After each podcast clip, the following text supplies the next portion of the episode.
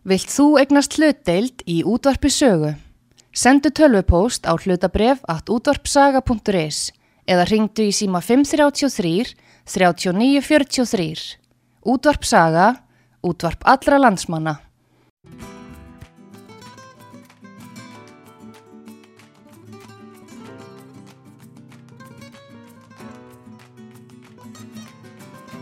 Þú ert að hlusta á unga fólkið með máguna sinni.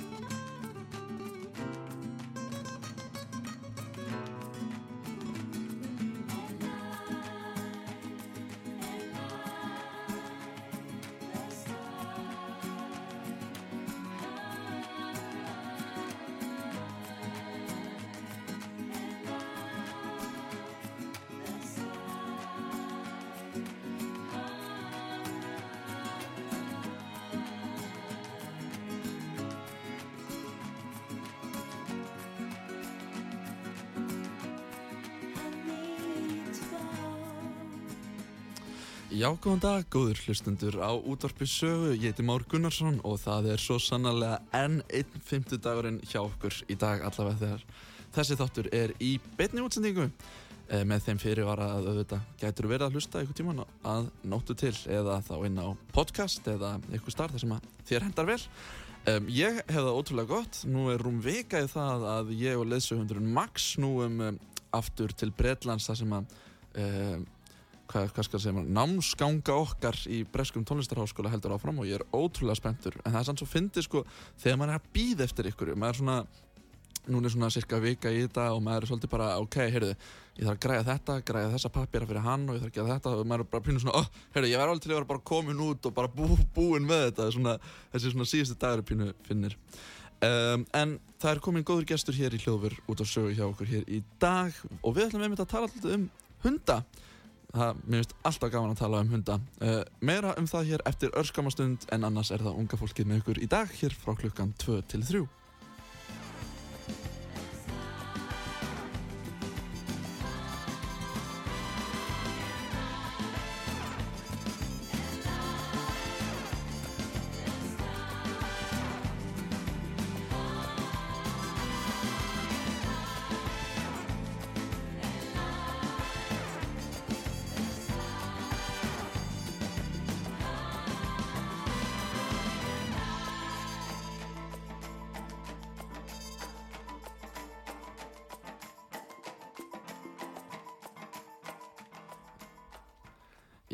eins og ég segði hér rétt áðan þá erum við komin með góðan gest hér til okkar í dag hingað í skipholtið og það er hún Björk Arnardóttir uh, leiðsögundatjálfari Björgunarsveita kona og, og margt fleira Hæ Björk Sælur blessaður. og verður velkomin Akaði fyrir. aftur Já, aftur. Aftur. Í nýtt húsnaði samt núna. í nýtt húsnæði, Já. þú komst til mín einu sinni held ég áður sko, það er alveg mjög langt síðan ég, ég var ekki sinni komin með Max sko Nei, einu sinni eða tvís og ég mátti ekki hvað það var. þú ert, ert vinsælina hjá okkur Já, ég veit það. Ég vinsar allstað þar sem ég kem. Já, nákvæmlega. Enda, ég minna, eins og ég sagði hérna í kynningunni, sko, hver, hver elskar ekki að tala um hunda? Nákvæmlega, eins og hjertalega samlaðir. Já. En sko það sem ég langar dóltið að tala um í dag, það eru svona nokkrir hlutir, Björk, og, og um, þetta verður svona, kannski, langar að hafa þetta svolítið svona á persónlegum nótum minna. Núna, ég ætla, ég ætla ekki að, það er ekkit leyndamála að við þekkjumst vel og erum búin að vinna mikið saman, þannig að ég ætla ekki að haga mér hérna eins og, eins og ég veit ekkert um þig, ég bara nenni þig ekki, sorry. um, En sagt, fyrir þau sem að sagt, vita ekki þá eftir að ég fekk leiðsögundir Max um, í hendurnar uh, árið 2001 þá um, hefur Björk verið svona okkar um, umbóðsmaður eða, eða umsjónamaður Já, það er flottar að vera umsjónumæður, já. uh, þá uh, sem sagt, hún hefur sagt, þá sinnt allir í þjálfun hér heima. Þú með þess að komst út um, Já, í, í alveg viku eða eitthvað? Já, já, það var mjög skemmtilegt. Það var öðru sig og skemmtilegt. algjörlega, þannig að eins og við höfum verið að hérna, sinna ýmsum verkefnum með Max hérlendis og erlendis. Eh, þannig að já, mér langar að tala um bara leðsöguhunda, mér langar að tala um þessar sóttvarnir sem að voru nú heldur betur mikið í fréttum hér á Íslandi þessi, þessar, þessi heimasóttkví og allt þetta um, kannski tala hans um það Já, og uh, síðan er náttúrulega alltaf krassandi að heyra ykkur á svona björgunarsveita sögur einhverja hetjusögur. eitthvað heitis ef við byrjum kannski bara á hérna, leðsuguhundunum vegna þess að sko nú er hefðin fyrir leðsuguhundum á Íslandi í sjálfu sér ekkit rosalega mikil fyrsti leðsuguhundurinn kom til landsins árið 1962 eða fjögur, ég man ekki hvort það var það var hann Gunnar K.R. sem fekk þann hund og uh, við gerðum nú heilan þáttum hann Gunnar K.R. Mm. Uh, hér á útvarpi sögu í uh, fyrra ef ég minni rétt uh, fólk getur farið inn á heimasíðu út á sögu eða, eða þá inn á uh, podcast og fundið þann þátt og það er mjög áhugavert en hann sem sagt sá hundur kom frá um, Danmörku Já. og kom bara í kassa að það ekki Jú, já, svo segja sögur, hann hafi bara verið sett frímerki á rassinu á honum og hann sendur hérna með dönsku leiðbenningum. Já, Ég veit ekki alveg hvað mikið til í því, en, en Þa, það, hefur er þannig. allavega að segja það Já, sko í viðtalinu sem að ég er með þá hérna, er ég með upptöku af honum þar sem hann einmitt segir frá þessu að hann hefur komið hérna í kassa með einmitt dönskum leiðbenningum og, og honum hafi sko þótt að hinn mesta furða að, að hundurinn hafi skilið þessa dönsku hans sem að Já, já, en það er það nú eins og við höfum svo sem margóft rætt að hérna, hundar er ekkert sérstaklega mikið að, að hérna, lesa eða já, heyra tungumál eða skilja tungumál, þetta er nú eiginlega meira svona líkamsbytting og hvernig þú á þeir eru og svoleiðis. Þannig að það eiginlega skiptir, þú veist, þú getur sagt ískápur, við segir það á réttan hátt og þá setjist þér, þannig að þeir eru nú ekki alveg beint að hlusta á það sem við erum að segja skilst, í, í okkar skilningi. Nei. En eftir þennan fyrsta leðsuhund þá kom alveg doldið gott bil eða pása Mhm. þar sem það komi engir leðsuhundar til landsins. Og um, síðan hvað fer hún hérna Brynja það ekki, nei hvað heitur hún áttur að þjálfa hérna hérlendis? Jú, sko, já, það má eiginlega segja, sko, uh, að drífa gestóttir, Akkurat drífa gestóttir já, þessu hundaþjálfari og, og góð vinkona mín frá Ísafirði. Já, og hérna, hún sem sagt tók þetta verkefni að sér, alltaf sé ekki komið svona, það eru komið eitthvað, kannski 15 ár síðan, eitthvað, ég þóru nú ekki alveg að fara með það. En þá eru sagt, búin að koma hérna, fjórir norskir hundar sem að hérna, já, syndu starfi sínu hérna og eftir það þá hefst svona eitthvað tilraunaverkefni með að mm, þjálfa hunda hérna heima og þú veist, út frá þessum það sem við fara fyrst til fósturfóldra og svo í þjálfun og, og þess að þar. ef við komum að sinna þetta sem að varu til að segja okkur frá bara þessu hefðbunna ferli kannski svona almennt bara hvernig, hvað þessir hundar þurfa að ganga í gegnum? Já, það, það er svo sem kannski alveg mismunandi á milli landa en hjá þeim löndum sem við erum mest að horfa til þá er þetta yfirleitt þannig að það eru reknir einhverjir skólar og hérna, þeir staðstu eru með bara rektanir það sem að þeir rekta þau eðli sem að vilja ná fram hjá hundunum uh, bara gaggjart til þess að þjóna þessu hlutverki og eru þar leðandi eftir því sem árin líða alltaf voru betur og betur í því Mhm. uh, uh, þegar þeir, þeir fæðast inn í kannelunum sem sagt að hérna sagt, uh, já og fara þaðan á bara réttum tilsettum tíma eins og kvolpa, þú veist, þegar þeir mega fara frá mömmu sinni að þá fara þeir sagt, til fósturfóldra og eru í fóstri um það byrj ár Mm. og er þá kent svona almennir hundasiðir kannski. Verið ekki hálfvitarinn á heimilinu og eitthvað svona. Og hérna eftir það þá hérna eru þeir teknir til svona aðtöga hvort að hérna þeir séu með rétt skap og, og þess aftar til þess að og vinnu eðli til þess að geta þessu hlutverki. Ef að það er allt í lagi þá er haldið áfram með þjálfunina og uh, svo er nú yfirleitt tekin svona útæktarpróf að hálfgerð um, á einhverjum tímapunkti og ef allt ef allt gengur vel, ef að þeir hérna tikka í öll þessi box, þá eru þeir orðinni tilbúin til að fara til uh, notendana og þá má eiginlega segja þeirra svona vinnuferill eða þeirra líf hefist fyrir alvöru þegar þeir koma til notendana. mm En þessu verkefni var hægt hér á Íslandi þessu þjálfunar um, sagt, bæði uppeldi og þjálfun og útlutun sagt, á sínum tíma. Því, það gekk ekki alveg nógu vel eða hvað? Nei og þar kannski spila nokkri þættir inn í. Það er hérna uh, í fyrsta lagi þá var kannski eins og ég sagði þú veist það er búið að leggja mikla vinnu í að, að hérna ná fram þessari ræktun í þessum stóru kannelum og bara já þú veist út og kannski meira svona úrval Já. af hundum úti Mhm. og það voru kannski ekkit alltaf að finnast um, hendugir einstaklingar í þessi verkefni hérna heima Þá hundar eða? Já, Já. og hérna kannski svo, meiri hlutun sérstaklega kannski á þessum tíma voru hundar sem voru ræktaði meira í að vera gæludýr Já. sem hafa bara allt aðra eiginleika heldur en vinnuhundar Mm Þannig rauninni drífa, hún fer úti það ekki og bara fer að þjálfa úti. E, Jú, hún sem sagt lærir úti í Svíþjóð og er hérna sem sagt lærir leysuhundaþjálfun og að dæma próf þar. Flytur svo afturinga heim og fær þetta starf. Og hún var nú búin að vera hérna eitthvað á landinu áður en hún fær það en, en hérna fær svo þetta starf og vel að því komin. Og hún er hérna á heiðurinn af því að þetta er í þessu, þessari mynd sem það er núna. Mm og hérna nema svo bara sérst, á ákveðnu tímapunkti þá ákveður hún að flytja út og er sérst, í raun og veru að sinna álíkastarfi úti í Svíþjóð nema náttúrulega bara í miklu stærri já, þetta er stærri já, meiri svona stærð að gráða á því heldur en, heldur en hérna heima eðlilega Já. Eh, Þannig að sko, og, og kemur þú þá beint uh, inn í þetta eftir það að hún fer út eða hvernig? Nei, það var eiginlega bara kannski svona svolítið tímabil, uh, mann ekki alveg hvað það var langt, en það var eitthvað svona smá tímabil, það sem að það var kannski ekkit almenlega, já, það var kannski engin eðl, þú veist, í þessu, akkurat þessu hlutverki, en fólk var náttúrulega, það var, voru einhverju svona verktakar og aðri sem voru að taka sér einhverju verkefni.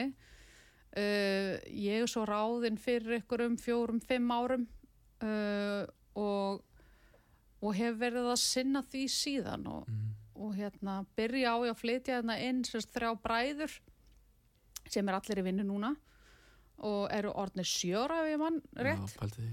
Já, pælti því. Þá, þannig að þetta eru þá fimm ár þegar komið hingað um það byrjum tveggjöra. Þannig sem ég er búin að vera í þessu. Mhm. Og síðan er náttúrulega bara alltaf vera, hérna, er að aukast við þessa tölu og núna erum við komin upp í 14. Mhm. Og þannig að þetta er allt saman uppleið. En hvernig kom það til að þú er henni tókstæðir þetta svolítið kannski uh, óhefbunastarf að vera leðsugundaþjálfari?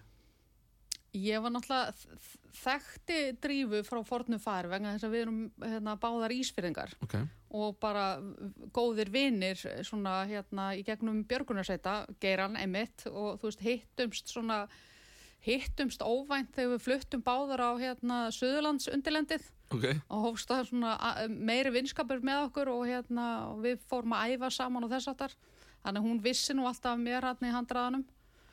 Um, ég var alveg búin að sækja um hana, sem yðvíþjálverendar upp á sjónstöð. Mm svona þegar ég var að leita mér að eitthvað að gera. Já, og svo fekk ég þetta símtal nú hérna, uh, óvænt svona og hérna stökk á þetta var nú í annar vinnu og fljóta að segja bless við það til þess að fá að gera þetta þó að það hafi verið yndisleg vinna, alveg algjörlega yndisleg vinna. Já, geggjað, eins og ég, við erum ótrúlega hérna, ánað að, að uh, hafa þið með okkur. Já, takk fyrir það. Inn, innróma held ég álit bara allra sem ég, ég hef heyrt. Já, það er, það er gott að heyra það eru hérna góð laun ef maður hefur svoleiðis mannorð held ég Eða það ekki? Jú, það eru mjög góð laun En uh, ég, ég það er smá svona 2000s vibe í mér í dag Þannig að mér langar að hlusta okkar lag Já. Svona 2000s, 2000s lag Eða Ekki? Jú, það ljóma vel Já, geggjað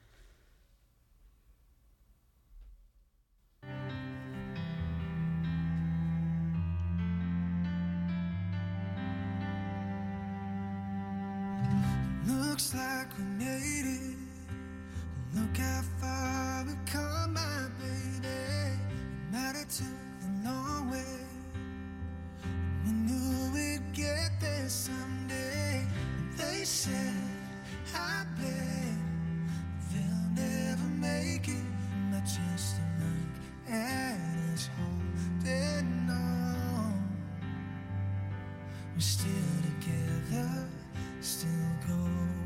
strong.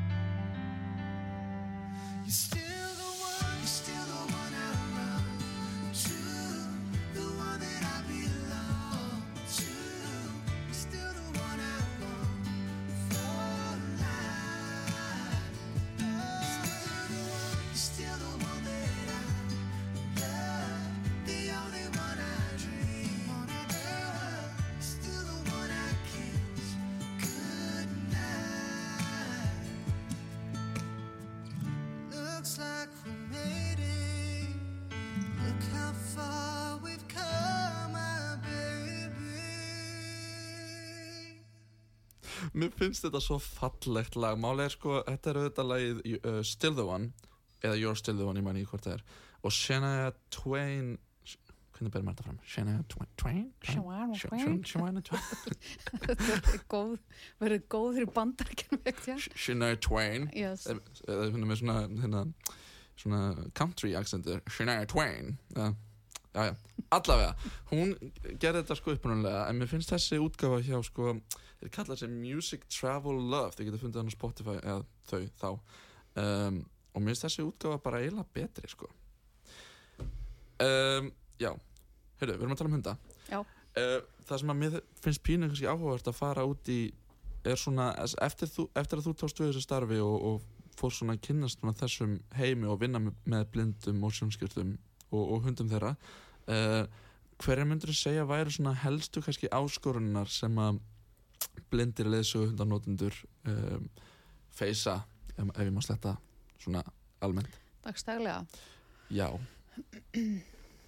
Ég held að það sé kannski einna helst í bara þeirra umhverfi að þú veist að hérna, þeir eru kannski að lenda í því að fólk sé að heilsa hundunum eða gefa sig of mikið af þeim. Þetta snýst eiginlega ekkert, þú veist, það vita flestir að það má náttúrulega ekkert vera að tröfla á bislinu en hérna það er rosalega erfitt fyrir hund sem er að einbytta sér að vinnu þegar eitthvað svona lítur á hann og er jafnvel að brosa og svona pingulítið að gefa sig að honum þó að það, þú veist, sé að halda sinni fjalleg um, Labradorar eru eðlisfari og það er það sem við erum bara að nota hérna heima, það eru labradorar mjög mannelskir sem getur bæði verið, er náttúrulega frábært en getur líka verið kannski svolítið hindrun því að þeir elska alla.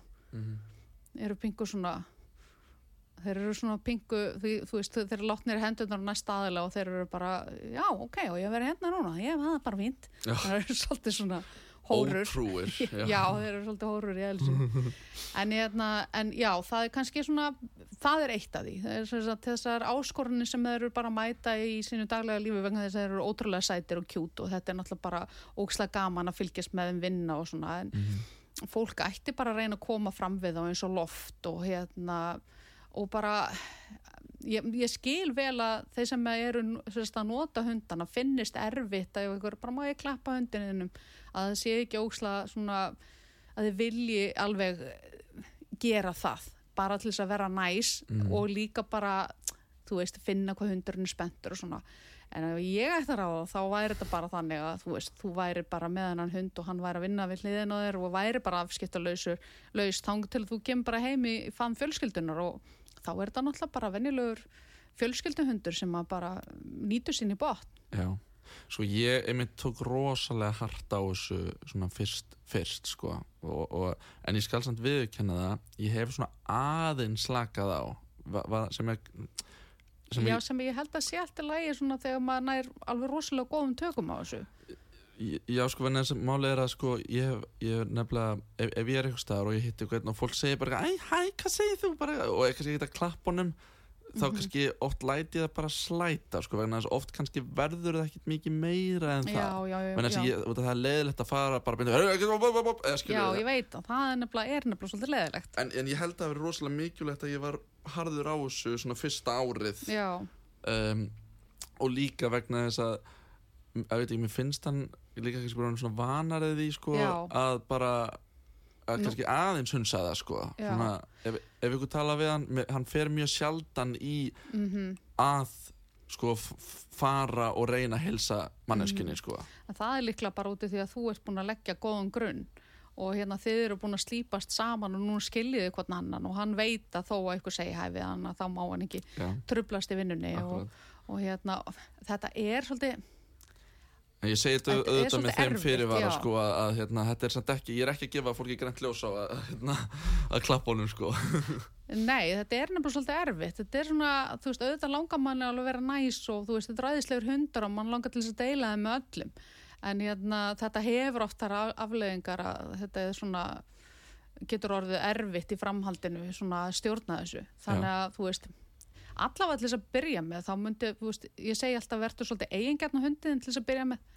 Og hérna og í öllum skilningi orðsins bara þú veist, þú gefur hann um borða, þú gefur hann um drekka þú fer með hann út, þú gefur hann um alla reyfingu, þú, þú veist, kessar hann og svo leiðis, en auðvitað er hann fyllt af fjöl, þú veist, kannski ef ert með fjölskyldu þá náttúrulega þurfa þau ekki að hýrast út í hotni bara, þú veist vera hann í skáp á meðan. Já, Þa, akkurat. það náttúrulega gengur aldrei Það upp þannig að auðvitað er þetta bara hinn gullni me- meðalvegur í þessu eins og öðru og svo er líka sko það, það sem að stundum kemur fyrir þar í, þú veist, vestlun eða þú veist, að því hundar eru náttúrulega ekkert lefðir mikið á svona opberum stöðum og, og alls konar stöðum. Já, þannig að hérna, og sérstaklega ekki hérna á Íslandi þar sem hundamenningu er náttúrulega ekkert rosalega langt á veg komin.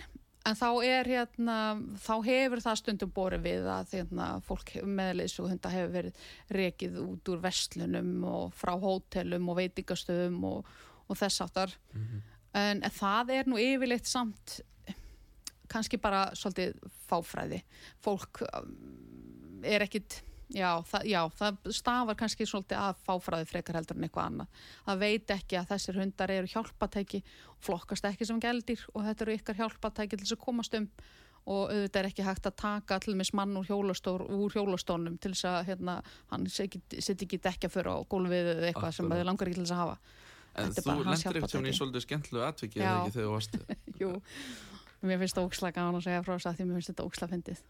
Það var sem sagt þannig að ég var að þjálfa hérna, leiðsöguhund í búð og hérna, þessi einstakleikur hann spyr, já en ef ég fer henni maturverslun, það er nú auðvelt, við vorum skeifinni og það er hagköpi hérna beint á móti og við bara förum þangað inn og hún er eitthvað svona, já en ef að en ef hann vil ekki fá hann inn eða eitthvað, ég bara, nei, nei, við tökum bara á því að því kemur og svo löpum við hann yfir og hann restar og hérna ætlum að fara inn og þá kemur örgisverðu með alveg útrétta arma og bara app, app, app, eitthvað, þið verða að fara út, þið verða að fara út. Og ég eitthvað, þetta eru lausahundur tók bara hérna ríkisvaldið á þetta. Og hérna, hann bara, nei, sko það er kveiknað í, auðvitað maðurinn þá kveiknað í þakinu. Og þá verður að rýma vestlunna og ég bara, já, ok, þá skal ég fara. Annars ekki. Þannig að það var mjög fyndið, sko. Litla til í linunum maður. Já, þetta var alveg þetta er eitthvað dæmigert sem kemur fyrir mig ykkur Ég, ég, ég lendi ógæslega að finna um daginn sko. ég fór á, hérna, á Jómfrúna í fyrsta skipti og við löpum inn og þá komum við eitthvað svona starfsmæður á móti og heyrði, já ég veit að þetta er leiðsöguhundur en ég er ekki viss um að hann megi vera hérna. og ég bara, uh, þið hafið samt ekkert val sko, já þetta er bara eins að spyrjast hennar fyrir ykkur og hún fór eitthvað og kom sér tilbaka og sagði, já ég er yfirmaður hér eh, sama manneskjan. Samanska, já ég er yfirmaður hér ég, þetta er allt í góði, ég vildi bara vera viss og ég bara, já, byrju, ef þú ert yfirmaður hérna, ættir þá ekki út af því að, sko, það er leiðinlegt að mæta eitthvað staðar og fá pínu þetta attitúti, já, heyrðu, já ég er ekki viss um að þú sért velkomin hérna, skilu, láta maður svona standa Mhm, já. og býða eins og eitthvað, skilu, illan gerða hlut út í hotni það er ógeðslega böggandi. Mér fannst svolítið fyndimár þegar við fórum hérna út saman. Og hérna um, ég nefnilega átti svo mikið vonaði að Bretland er þið sko þúsundsunum betra heldur en Ísland í þessum efnum. En það var ekkit alveg raunin sko. Það Jafnvel kom mér bara svo verra, óvart. sko. já, það, eiginlega þannig að því að þar var fólk alveg bara, ég veit að ég má ekki poti en ég ætla samt að gera það. Já, þannig að þetta var eiginlega svolítið svona já, sko, já, einmitt, ég bjóst við því að breytar þeir, einmitt, þeir eru svo rosalega formfastir og, og hérna alveg kunna sitt procedure og health and safety alveg 100% sko. já, rosalega kassalega fólk. Já, og, en, en síðan en, en kannski kemur það kannski er það veg upp á móti sem að það veg upp á móti að þetta er rosalega mikil hundaminning og þau elska Já, alveg hunda og, já, og, og þau kannski bara nefnilega- get ekki hamið sig sko. nei, það er nefnilega breytar eru mjög þekkti fyrir það að vera mikið hundufólk en ég get alveg sagt það sko að við, ég, við lendum í rosalega miklum vandræðum þarna með sko uh, bæði sko sum veitingarhús mm sem að Já, voru man kannski ekki brest, kannski það sem voru sko uh, ég vona að ég var ekki hérna, eitthvað dæmdur fyrir að segja þetta en, en veitingarhús sem að voru sko frá uh, löndum sem voru kannski ekki í Evrópu um, þar sem að hundamenningin er aftur allt öðru sig -hmm. það Eh, sem fólk er mjög hrætt við hunda það líka sko, Mhm. Þa, þar var okkur yfirleitt tekið bara mjög illa sko og, og ég get sagt ykkur sko að, að það eru tvö mál núna í gangi sem að uh, Transport for London, þar sem ég er rauninni sko kærði uh, tvo leigubílstjóra fyrir að leifa okkur ekki að koma í leigubíl með hundin og sem sagt, ég sendi þetta mál sem sagt, til Transport for London og þá er það bara Transport for London Police Officer eitthvað sem að tekur þetta mál. Og Mhm. ég held að þessi búið að, að, hérna, að þessi bílstjórar að þessi búið að taka það á rauninni af gödunum og Já. ef að þetta mál verður tekið lengra þá fær það fyrir dóm og þá geta þeir átt yfir höfðu sér sko sekt upp á 400.000 krónur eða rúm 2-3.000 pund fyrir að gera þetta. Já, mér finnst það líka bara hérna, mér finnst frábært að það sé til sko, það sé eitthvað sem er hægt að gera, af því að oft er það einhvern veginn svolítið svona það sem maður vantar upp á það sé eitthvað hægt að gera þarna hefur greinilega væntarlega vegna þess að þetta er algengt mm -hmm. að þá hefur væntarlega verið gripið til þess að ráðs að þú hefðir þetta kæruferli Já. sem er þá eitthvað sem þú getur nýtt er Já, sem er alveg stórkoslegt sko. En, en það, það leðilega í svo er samt að þegar, þegar ég var að tala við einmitt Transport for London um, þá voru það að segja já við erum alveg með bara hérna tugi keisa bara í vi- vinslu bara í kringum allt UK sko. Þannig að þetta er rosalega algengt. Og maður spyr sig sko mikið af þessu fólki sem að er að keira uh, eins og Uber og legubíla í, í Breitlandi er oft kannski eh, ég segi oft, ég, er, tek það fram ég er ekki að al, alhæfa að koma með, með neina fullningar enna einstaklingar sem tala kannski ekki droslega góða ennsku uh, þannig að kannski er hluti af þessu líka samskipta já. Og líka kannski það að þú náttúrulega skrifar undir ákveðna samninga þegar þú ferði í þetta jobb eh, sérstaklega eins og með Uber. Og þar er sko minna eftirlit með Já, já, hverjum einum einstaklingi skilur það er ekki eitthvað svona leiðubíla stöð sem þú kemur inn á mótnana og þú með yfirmanniðinn skilur þú Mhm, er bara með mhm. appið þitt og keiri já, skilur já, en það er samt svona protokól og hérna, samningar sem þú skrifar undir þegar, þú sænar, eh, sænar þið inn sko. uh, og, það, og það er einmitt stendur skýristöðum að þú getur ekki me- nei, meinað neitað, já, akkurat. Já, en, en, en einmitt það er bara spurning hvort allir lesi þetta sko. Já, já, nákvæmlega. Sérstaklega eins og ég segi, Já. þetta er oft byggt meira á skilningsleysi frekar heldur en einhver andúð, sko. En, en aftur oft, já, en síðan er líka bara sumt fólk sem að bara setja bara, þetta er bara minn bíl, ég ræði þessu skilur, ég bara ger þetta eins og mér sýnist. Þa, það er alveg til líka sko. Já, já, já, já, það er, það er alveg, það er ekkit öllum vel við þessa fjórfættu vini okkar, sko, það er, er stundum alveg þannig. Auðvitað, og maður reynir, að sjálfsögur reynir maður að koma til móts við það, ég, hérna, þú veist, ef fólk er hrætt eða um, með ofnæmi, já, ekki að fara meir út.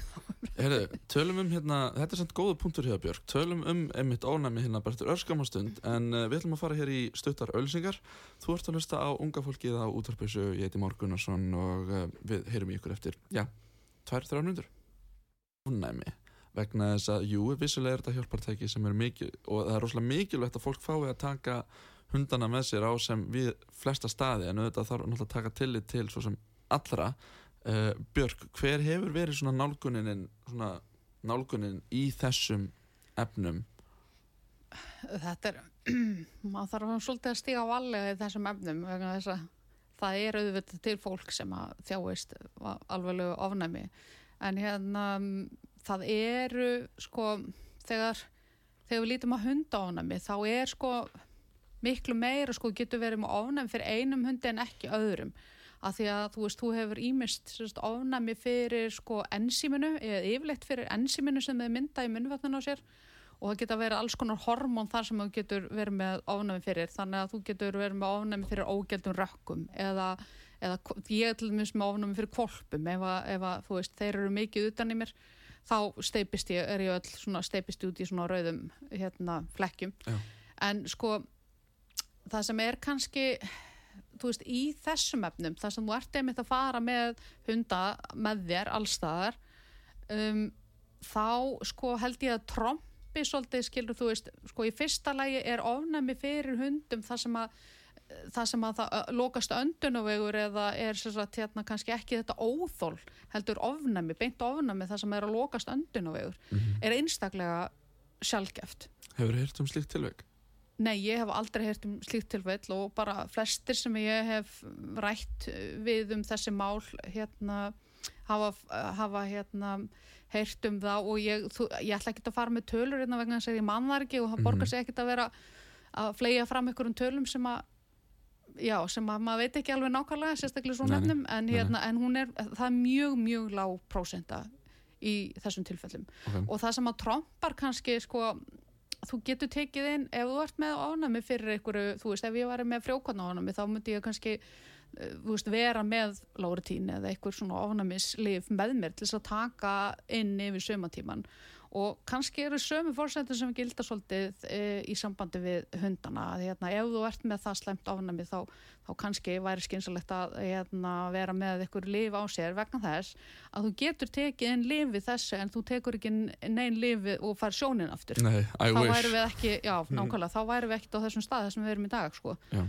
þannig að þú veist það kannski er eitthvað sem er alveg verðt að hafa í huga. Þið getið ekki hætt, skiluru þið hafið ekkert val. Nei, nei. þannig að hérna, þannig að ég held að það sé bara svolítið bara holdt að horfa á þetta þannig. Já, akkurat. Um, Mér finnst þetta persónulega alveg 100% vera valid punktur og ég veit eins og það er algjörlega policy að sko flugfélaga eða e, sko ef þú kemur með hundum borðið vélina, leðsuguhund og einhver farþegi fer, bara, fer eitthvað að æsa segja við því sko þá er það bara er það bara í rauninni þumalputareglan ok, heyrðu, þá fer þú bara út skilur það Já. er, Þa, það er alveg hægt að ég mitt að gefa fólki lif og færa það til í Mhm. vélinni. Þannig að þú veist, það er alveg hægt að koma til mótsveðu upp að ykkur vissu marki væntarlega já, en náttúrulega, þú veist, þú ert ekki að fara að skilja þetta hjálpatækið þetta eftir flugvöllin og láta senda það um pósti.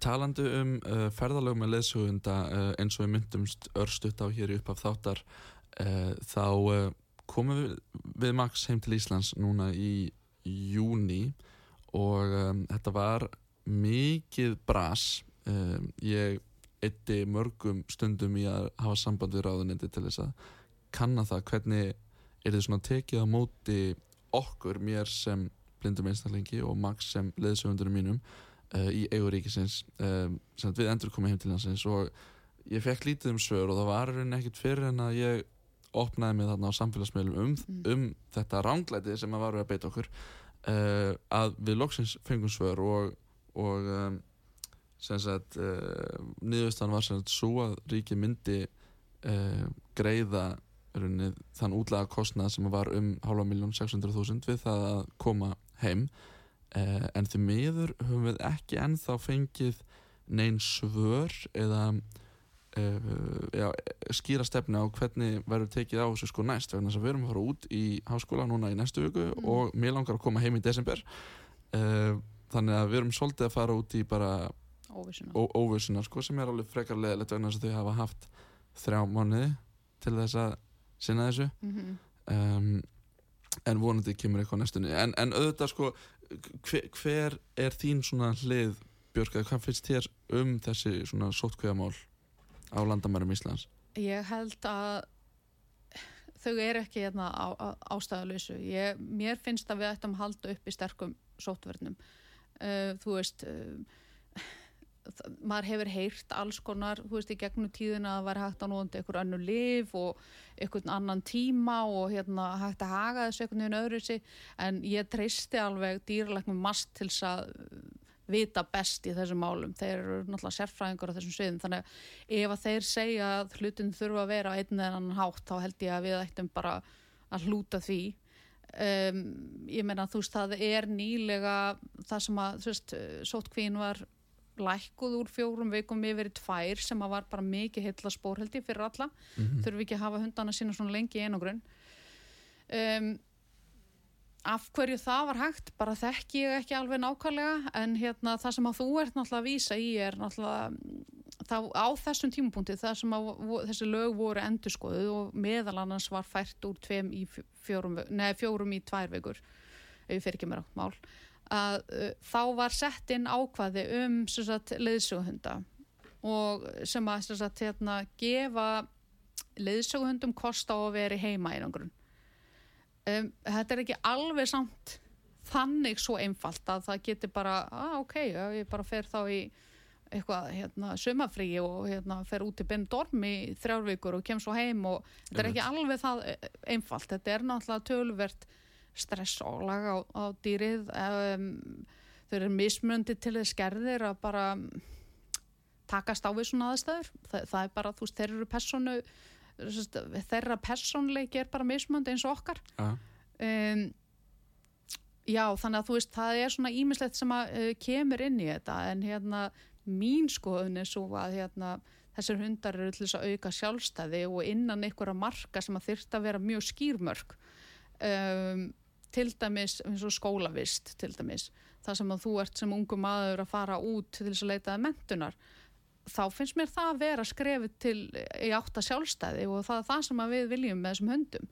Þannig að ef það er til einhver svona og, og sá einstakling sem er að fara út er þessu starfi vaksin skilur að hérna valda þessu verkefni Mhm. Þá hundinum og að, einmitt. já, bara þú veist og þú veist, og kannski svona ef maður kemur inn á eitt þegar við vorum að tala um svona vandraði í sambandi við, eða svona, já, hvað vorum við að tala um? Vandamál hérna Já, já, í sambandi við leiðsögunda. Þá er kannski sko það sem að snýra þeim sem er að sækja um leiðsögundana er náttúrulega þeir þurfa að vera mjög vel að sér í umferli og áttun. Og fyrir þá sem maður veit ekki hvað það er þá er það bara ykkar leiðun alltaf þess að ferðast frá punkti A til B eftir ýmsum leiðum. Þú veist, þið eru að notfæra ykkur hljóð og, og hérna kennileiti í umhverfinu til þess að komast frá punkti A, eh, frá punkti A til Ö. Og hérna uh, sá þáttur þarf að vera alveg ofbóðslega vel meittlaður hjá þeim sem eru að nota þessa hunda. Vegna þess að ef þú hefur það ekki þá er hundurinn er ekki flugmaðurinn í þessu sambandi sko. Nei, nei. skilur þú Það er erfitt að segja við hundin, heim til ömmu. já, já, þú veist þannig að þú veist þú þarft alltaf að vera við stjórnvölun og alltaf vita hvar þú ert og ef þú ferð út af leið þá þarft að vita hvernig þú ætla að koma þér aftur tilbaka þannig að það kannski með, þú veist, maður þarf og, og ef maður ætlar að fara á nýja staði til dæmis hérna erlendis þá er náttúrulega rosalega mikilvægt að maður sé svolítið sleipur þar Já, Þa, það er það. Alveg 100%. Um, en ef við skoðum aftur sko, þessi atriði uh, bara varandi sko, það sem það er að gera við, við, með það að, þetta koma með hunda aftur heim til landsins um, auðvitað í Evrópu er til þetta um, pet passport þar sem að hundar geta farið á milli landamæra Mhm. um, gegn uh, framvísun á þessu pet passport þar sem að er sem tilgrind bó, bólefni og hérna, hundæðis bólusetningar og, og alls konar uh, þetta er ekki tekið gilt hér hjá okkur og auðvitað við erum ekki með hundæði eins og um, margar aðra þjóðir að vísu held ég sko ég held að hundæði almennt í Evrópu sé rosalega lágt Já, það er það. Þetta er eitthvað svona flokkunarkerfi, þú veist, lönd í, í, í flokki 1 og 2 og sérna, sem sagt, um, þá eru flest Evrópríki er einmitt í þessum flokki 1 sem er þá uh, rabies free, Mhm. sem að er sem sagt, ekki með hundæði, uh, sérst, já, í sínu landi. En það sem ég þetta áhvert að skoða er auðvitað það eru að líta í fleiri atrið en bara hundæði, það er líka verið að líta hvað í bandorm og það eru að Já, líta í sníkjudýr. já. sníkjudýr og alls konar eitthvað svona jökk sko. um, en það sem ég er svona aðeins að velta fyrir mér sko, getur mannfólk ekki tekið sko, sníkjudýr með sér líka ég er að spá bara núna að koma rosalega mikið af fólki frá öllum heimshornum uh, til Íslands bara á hverjum degi sem er Mhm. bara stórkoslegt um, en þú getur verið að koma sko, frá því að vinna í einhverjum sko, tsunami dýragarði skilur og bara í stífulunum og komið bara inn til landsins uh, án þess að sé neitt sko sagt við því sko, síðan Mhm. var ég að spá líka eins og matvæla, hann ætlar að flytja mat og alls konar já, já. uh, líka til landsins Mhm. og maður svona velta fyrir sér ok, þú veist, hversu stór hluti er rauninni áhættan af því að flytja inn sko heimilishunda uh, og ég meina þess vegna bara ef þeir færu í sko heimasótkví skilur, það eru rosalega margir hundar sem þóla ekki þessa almennu sótkví Mm um, uh, mikið sko, þannig að ég er bara að spá svona hversu, væ, hvers, væri það raunveruleg hætta ef að rauninni eftirlitið er bara stránt uh, en að fólk fengi að taka hundana í heimasólkví Ég held að ég myndi almennt séð vera bara á móti því að almenningur gerði þetta. Ég, þú veist, það eru til alveg fullt af frábæru fólki en það er líka til fullt af ekki frábæru Já, fólki. Og, hérna, og ég veit ekki alveg hvernig þetta stýra því. Meni. Sko, ég, núna er ég ekki dýrlengir. Og, en ég, sko, þú veist, ég held sko að, þú veist, sko, flest að þessum, sko, við búum við það á Íslandi, þú veist, við erum náttúrulega reybísfrí eða án hérna hundaðis og höfum verið það bara held ég, ég já, ég veit ekki til þess að það hafi nokkuð tíma komið upp einu sinni hérna á landi uh, við erum líka uh, með rosalega fá sníkjutir og það er það sem er þessi þessi langa, s- eh, þessi sótkví, þessi tveggja vitna sótkví held ég miðist oft á tíðum út frá ungu, útunguna tíma sníkjudýra. Svo að þau geta lifað ákveðin tíma inn í hundunum og þessi, þú veist, svo testa þeir þess að hérna í byrjun dvalar og í end, endanadölni og þessi svona sníkjudýra uh, já, þú veist, þessi, þessi tími er sagt, til þess að takast á við þessi sníkjudýr sem að ferðast eh, sagt, í, sagt, og það er rosalega stór flokkur sem að gera það. Já. sem að tekur sér bólfestu í þörmum eða, eh, þú veist, einhvern veginn, já, í feldi jafnvel, og hérna eh, sem að er verið að reyna að koma í fyrir að sé landlegt hérna á Íslandi. Þú veist, eins og þessi mítlar sem að hafa verið, eða skóarmítlar eða, já, hérna, sem að heiti ticks á, ensku, sem eru ógeðslegar ógeðslega pöttur sem að ég bara er svo fegin að er ekki meira landlagt hérna. En það er, hafa nú verið að Já, það er að koma með fugglum. Já, er það, er það? Já, þa Já, ok. það er yfirleitt að koma með fugglum. En, en hvernig stendur því að það hefur ekki gerst fyrr?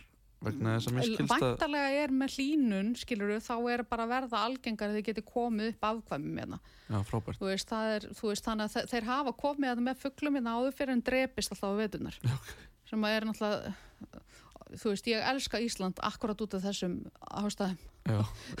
Þrýfst ekkert rosalega mikið að svona skortir lífi. Mm Nei, við fáum bara hérna uh, mý og hérna lúsmý. já, og ef það er okkur staðista vandamál þá erum við bara held ég nokkuð góð sko.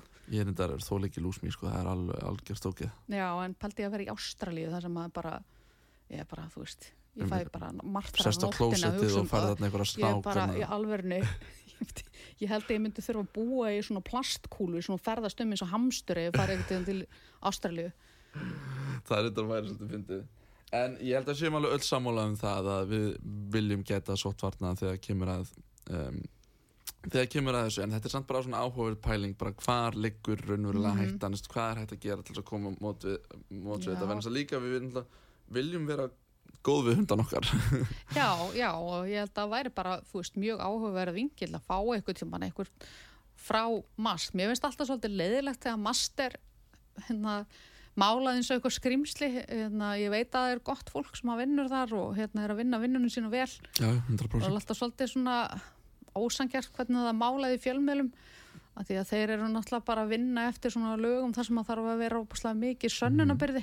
Ég verð nú samt sem ára að viðkjanna það að þrá, jú, þráttur þessi mikið af góðu fólki sem að að reyna að vinna vinnuna sína hjá MAST þá finnst mér samt sem áður þeir ekki hafa kannski standað sér rosalega vel í að bara taka ákveðu frumkvæði og bara svona hugsa aðeins út fyrir bóksið og, og svona, veit það ekki, minnst svona allan í minni reynslu þegar ég var að vinna í þessu með, með Max Mhm. það fannst mér þetta rosalega mikið bara, já, talaði bara við, hérna, hérna Já. félagsmálaráðinu, talaði bara þennan við, við gerum ekki neitt Þa, þar held ég að þau séu svolítið skórin settu fyrir dittna bara í sambandi við sko, þau, þau eru bara ríkistofnun sem þarf að lúta ákveðnum lögum og hérna sem að þeir get ekki sneitt framjá þó þeir glaði vildu það þannig að það þarf þá að vera breyting á Mhm. þessu reglukerfi til þess að þeir geti tekið eitthvað svona meiri sjálfstæðar ákveðnum a- alveg pottið sko, en aftur bara núna er ég vitnað bara í svona mína persónulega já, reynslu já, þráttur að þeir þurfa að fylgja svona ákveðinu sínum lögum og, og reglum. Þegar ég var að koma með þær ábendingar um það að heyrðu, ég er að koma að heim með leðsöguhund í Íslenska ríkinsins uh, og ég tel að vera ólöglegt að í meina okkur aðgang nema að við tökum einhvern Mhm. kostnaðin á okkur fyrir rúman 600.000 uh, hvað ætli þið að gera í því? Hvernig ætli þið að koma Já, til móts þá er náttúrulega væntalega fátt um svör sko. það var náttúrulega bara ekkert um svör sko og, og það var í rosalega lítið bara þessi umræða tekin hjá maður bara, heyrðu, þetta er að gerast mhm. ég veit að það var tekin einhver fundur bara þegar ég hef búin að pönka stiðum, ég veit ekki hversu marga mánuði og þá bara já, uh, ákvörðun hefur verið tekin um að við munum ekki breyta neinu hjá okkur þú þurftir að kæra þetta eitthvað Mhm. áfram sem er svo sem kannski allt í lægi en ég skil ekki okkur, sko, fyrsta lagi þetta var ekki gert fyrr og í setna lagi bara vegna þess að þau hljóta að vera með eitthvað svona yfirmenn mhm, hjá ráðunöndinu þar sem þau geta komið þessu málefni áfram og til þeirra já. og, og þetta allt saman tók svo rosalega langan hérna, tíma og, og eitthvað Já, það er nú bara svo með svo, öllu svona, svona stóra stofnanir að það er oft mjög hægt vinslukerfið. já, Það er bara því miður. já, en, en þetta er hægt og það er það sem skiptir máli þetta er, þetta er hægt uh, og líka svo sem hérna, fyrir mynd fólk sem að flytja bara vennilega hundin til landsins það er líka hægt en það, þetta er bara vinna og vesen Já, eins og ég segi, ég er alveg algjörlega með því að það séu mjög stranga sóttareglur hérna, Mhm. því ég nenni ekki að Nei, berjast við ykkur sníkjudýr sem að, þú veist, langar alls ekki til þess að hafa hérna í hundanum okkar. nei, nei, alveg 100%. Þannig að hérna, þau eru, ég meina, þú veist, við til dæmis, ég meina, úti þá þarf fólk oft bara að sprauta hundanu sína fyrir mýtlum. Já. Við þurfum þess ekki ennþá. Nei, nei. Þannig að ekki ennþá. Já, já, úti þarf líka að gefa þeim uh, einmitt lif fyrir þessu tikk og hérna flær, flóum já, og, já, og bara svona, þú veist, sníkjudurinn sem að lifa inn í þeim, einhver svona sem að við þekki, sko, þú veist, þegar ég kom að með þegar ég var að útskýra þetta, ég bara, já, ok, ég vissi ekki að þetta var til, sko. já, pældi í þessu en það er samt pínu að fyndið að hugsa til sko, fyrir hvað 10, 15, 20 árum eða þú veist að flytja með hund þá þurfti sko fljúanum til sko keflaðigur eða reykjavíkur koma hann síðan til Akureyrar eða, og síðan, fara til Hríseyjar. Já, akkurat, pældi því. pældi í því. Já, ekkert smáraðis ferðalag fyrir hundin að fara, sko. og það besta er, ég heyrði hérna, ég hitti einstakling í sundi um daginn Mm, sem að sagði mig frá því að, að viðkomandi var að vinna upp á flugvelli við að taka á móti þessum hundum þannig að þið lendu í Keflavík og síðan taldi áfram og hann sagði já já við tókum það bara út og fórum með það í staðar og leiðum bara pissarn í móanum og vorum bara já já síðan. Þannig að þetta var stránt en samt voru þessar svona hólur já, já, í þessu sko. Það er örgulega, já, þegar eitthvað mannlegt kem, kemur inn í reglukerfi þá er það oft svona svolítið gödótt, sko. Pældi hvað þetta er ógeðslega fyndið sann Já, ég meina núna þegar við komum með Max heim sko þá jú, hann, lendir í Keflavík og förum ekki um flugstöðuna síðan er hann beint inn í búr og beint inn í bílinn hjá okkur sem er sko búið að plasta já, já. og síðan erum við með fyllt það er dýralækni sem eldir bílinn okkur alla leiðina Mhm. heim og passar á við höldum á búrinu úr bílinnum inn í hús og síðan lokum hurðinu og hleypum hundinum já, út sko. það má ekki taka hundin út úr nei, út úr búrinu og lefa hann að lappa inn Mhm. sko. mhm, en þetta er pínu, pínu sérstætt eða þú veist eins og segi aftur ma maður skilur náttúrulega þessa verkfalla eh, en það er svona áhugavert svona veltur svo bara fyrir sér já, það er margt í þessu jú, jú. yes. en Björk, hvað er svona framundan bara hjá þér núna næstu mánuði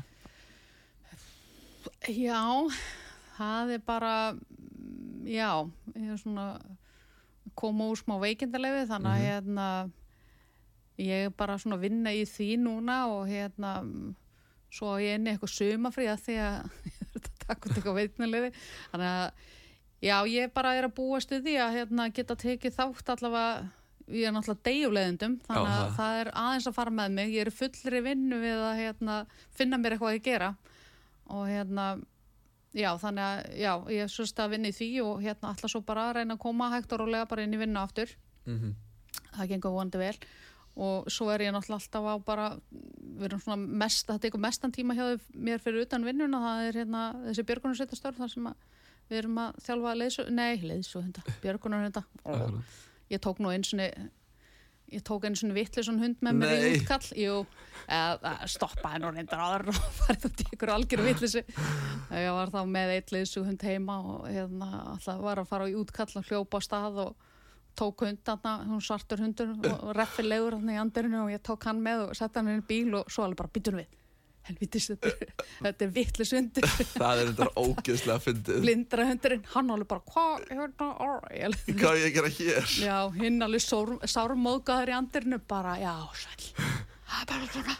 Þannig að þetta eru einmitt hundar sem leitar hvað, hérna, uh, bara spórhundar og Já, ég er reyndar ekki með spórhunda en það er, er alveg tilsólis hundar hérna á landinu og, og hérna þetta skiptist eiginlega, við getum sagt að þetta skiptist í því að vera víðavangsleita hundar sem að hérna leita svona landi á miðin, ekki miðin samt, bara landið. Já, og hérna uh, svo sagt, hérna, snjóflóðleita hundar mm sporahundar og svo er alveg, þú veist, höfum við alveg verið að fykta við alls konar svona eins og vatnaleit og hérna mm, líkleit Mhm. uh, eitthvað svo leið sko sem sem að kemur aðeins inn í þetta. En er, er náttúrulega bara er ekki til nennar útöktir yfir þannig að þú veist, það er svona miklu skemmra á veg komið heldur en, heldur en hitt.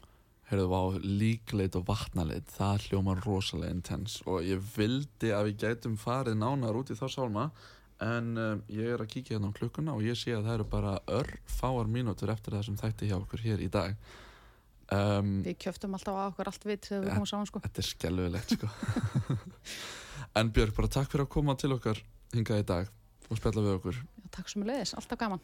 æðislegt og bara hérna gangið vel í, í rehabinu Já, takk Og- fyrir það. skemmtir síðan í sumafrínu sem Já, tekur þér eftir það Akkurat. um, En já, góður hlustundur um, þetta verður ekki mikið lengra hjá okkur hér að sinni, ég heiti Már Gunnarsson þú ert að hlusta á unga fólkið á útvarpi sögu.